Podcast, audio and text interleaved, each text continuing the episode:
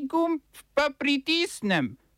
Tisti, na katerem piše OF.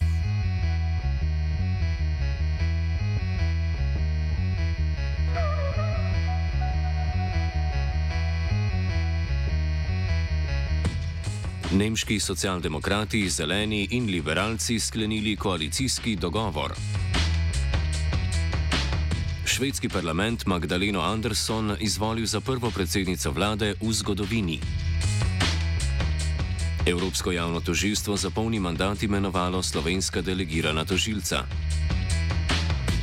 V krofu cepljenje in dolgi COVID. V kulturnih novicah naslednji teden nas bo pričela animirati Animateka.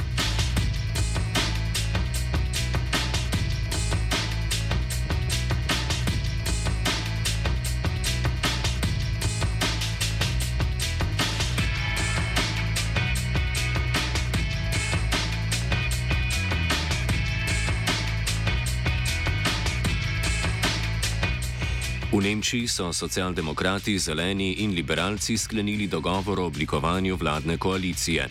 Podrobnosti prav zdaj predstavljajo na skupni tiskovni konferenci. Medtem ko je že jasno, da bo kanclerko Angelo Merkel, ki se po 16 letih na tem položaju umika iz politike, nasledil predsednik SDP Olaf Scholz, lista ministerskih kandidatov še ni znana. Nemški mediji sicer omenjajo, da naj bi imeli SDP in zeleni po pet ministrov, liberalci pa štiri, pri čemer bi se lahko nekatera ministrstva preoblikovala.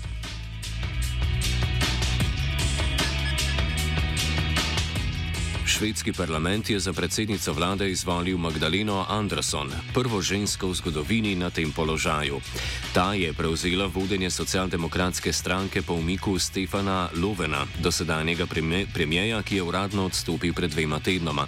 Na glasovanju je novo predsednico podprlo 117 poslancev od skupno 349, 57 pa se jih je glasovanje vzdržalo. Pravila švedskega parlamenta določajo, da posameznik ne potrebuje večinske podpore, dokler večina glasov ne nasprotuje njegovi izvolitvi. Anderson si je v torek zagotovila ključno podporo leve stranke v zameno za obljubo o dvigu pokojnin. Zaradi tega je podporo proračunu, o katerem bo švedski parlament odločal danes, odrekla sredinska stranka. Posledično pa bodo najverjetneje potrjeni proračunski dokumenti, ki jih je predlagala opozicija. Novo izvoljena predsednica švedske vlade, ki trenutno opravlja delo ministrice za finance, bo funkcijo uradno nastopila po srečanju s kraljem Karlom Gustavom, ki bo potekala v petek, ko bo predvidoma predstavila tudi svoj ministerski kabinet. Ta bo delo opravljal naslednjih devet mesecev do rednih parlamentarnih volitev.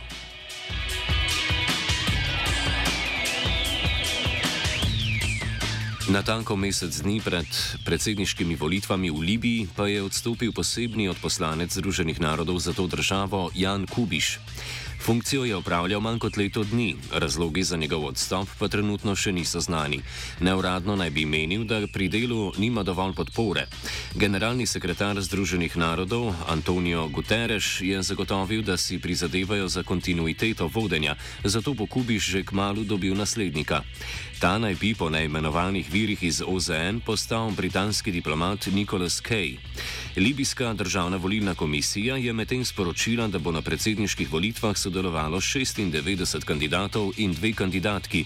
Med vidnejšimi imeni so Kalifa Haftar, nekdani in de facto še vedno vodja libijske nacionalne vojske, ki obvladuje vzhod države, Saif al-Islam Gaddafi, sin nekdanjega libijskega diktatorja Muammerja Gaddafija in premijer prehodne vlade Abdul Hamid Dbejbah.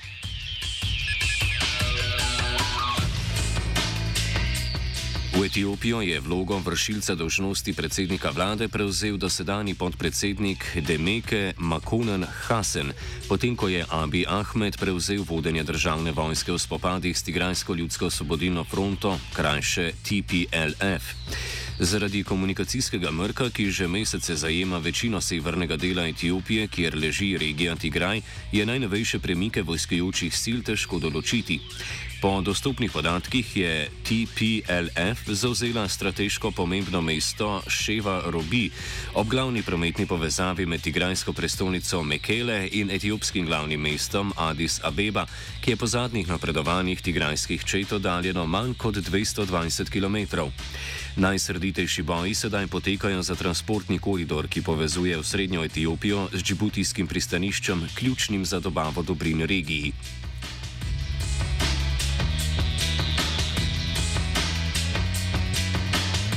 V prestolnici Salamonovih otokov Honjara so oblasti razglasile policijsko uro, potem ko so protestniki požgali stavbo v bližini parlamenta in poskušali udreti van, na kar je policija odgovorila z gumijastimi naboji in sozivcem. Približno tisoč protestnikov je pred izbruhom nasilja zahtevalo nemuden odstop premijeja Manase Sogavare, ki mu očitajo prokitajsko politiko. Tej nasprotuje provinca Malejta, ki ne priznava Ljudske republike Kitajske. Konflikt med lokalno in centralno vlado sicer traja že od leta 2019, ko je Sogvare spremenil zunanje politično usmeritev Salamonovih otokov ter diplomatsko priznal Ljudsko republiko Kitajsko in ne Tajvana, kot je to veljalo v preteklosti.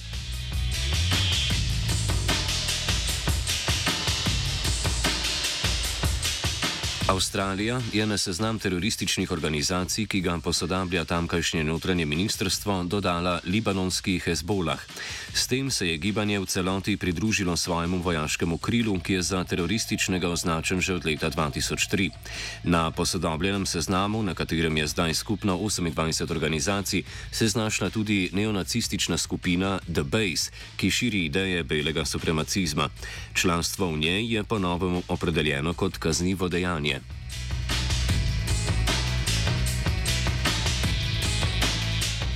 Seznam terorističnih organizacij posodabljajo tudi pri prvoborcih proti terorizmu in izvoznikih demokracije Združenih državah Amerike.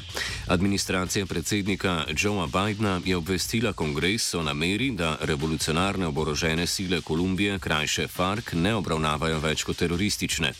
V Kolumbiji prav danes obeležujejo peto obletnico mirovnega sporazuma v Bogoti med FARC-om in vlado, zato gre izraženo namero razumeti kot simbolično gesto utrjevanja diplomatskih odnosov med državama.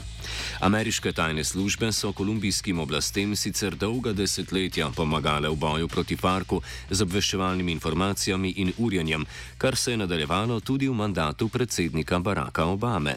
Oba, če bom odgovoril na angliški. Slovenija will try to help. Uh, we can. Slovenija will. And we will. Do our utmost. To say that the situation is.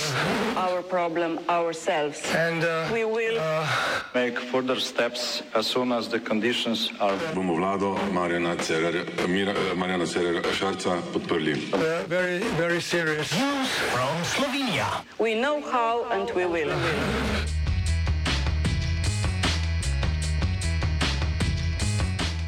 Kolegi Evropskega javnega toživstva je Tanjo Frank Ehler in Mateja Oštirja imenoval za slovenska delegirana toživca za polni petletni mandat. V izjavi za javnost na družbenem omrežju Twitter so posebej povdarili, da sta Frank Ehler in Oštir imenovana tako kot vsi preostali delegirani toživci. V četrtek sprejeti sklep slovenske vlade posredovani predlog Evropskemu javnemu toživstvu namreč označuje za začasnega, dokler ne bo uspešno končan nacionalni del postopka imenovanja kandidatov. Izmed 22 držav članic Evropske unije, ki sodelujejo v Evropskem javnem toživstvu, je Slovenija svoje delegirana toživca po imenovanju sicer dobila zadnja.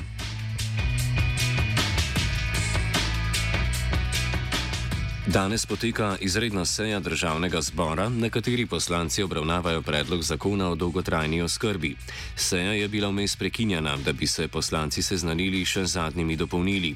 Iz opozicijskih vrst prihajajo opozorila o neustreznosti zakona, nasprotujejo pa mu tudi mnoge organizacije, katerih stališče predstavi Biserka Maralt Meden, predsednica Združenja za dostojno starost Srebrna nit. Zakon, ki so ga uh, amandmirali v tisti famozni nočni seji, je popolnoma nerazumljiv, nedorečen in uporabnikom ne prinaša boljših in dostopnejših storitev. Izvajalci pa menijo, da ga v praksi ne bo mogoče niti izvajati. Tako da, če ga ne bodo zdaj le z amandmaji še popravili, zakon tudi protiustaven, ker diskriminira uporabnike storitev, tako da predvsem tisti, ki nas je največ, to smo tisti, ki bi koristili storitve doma in ne v instituciji, smo v diskriminatornem položaju, saj bo za nas poskrbljeno enkrat v prihodnosti. OF je pripravila vajenka Tija, mentoriral je Fabjan.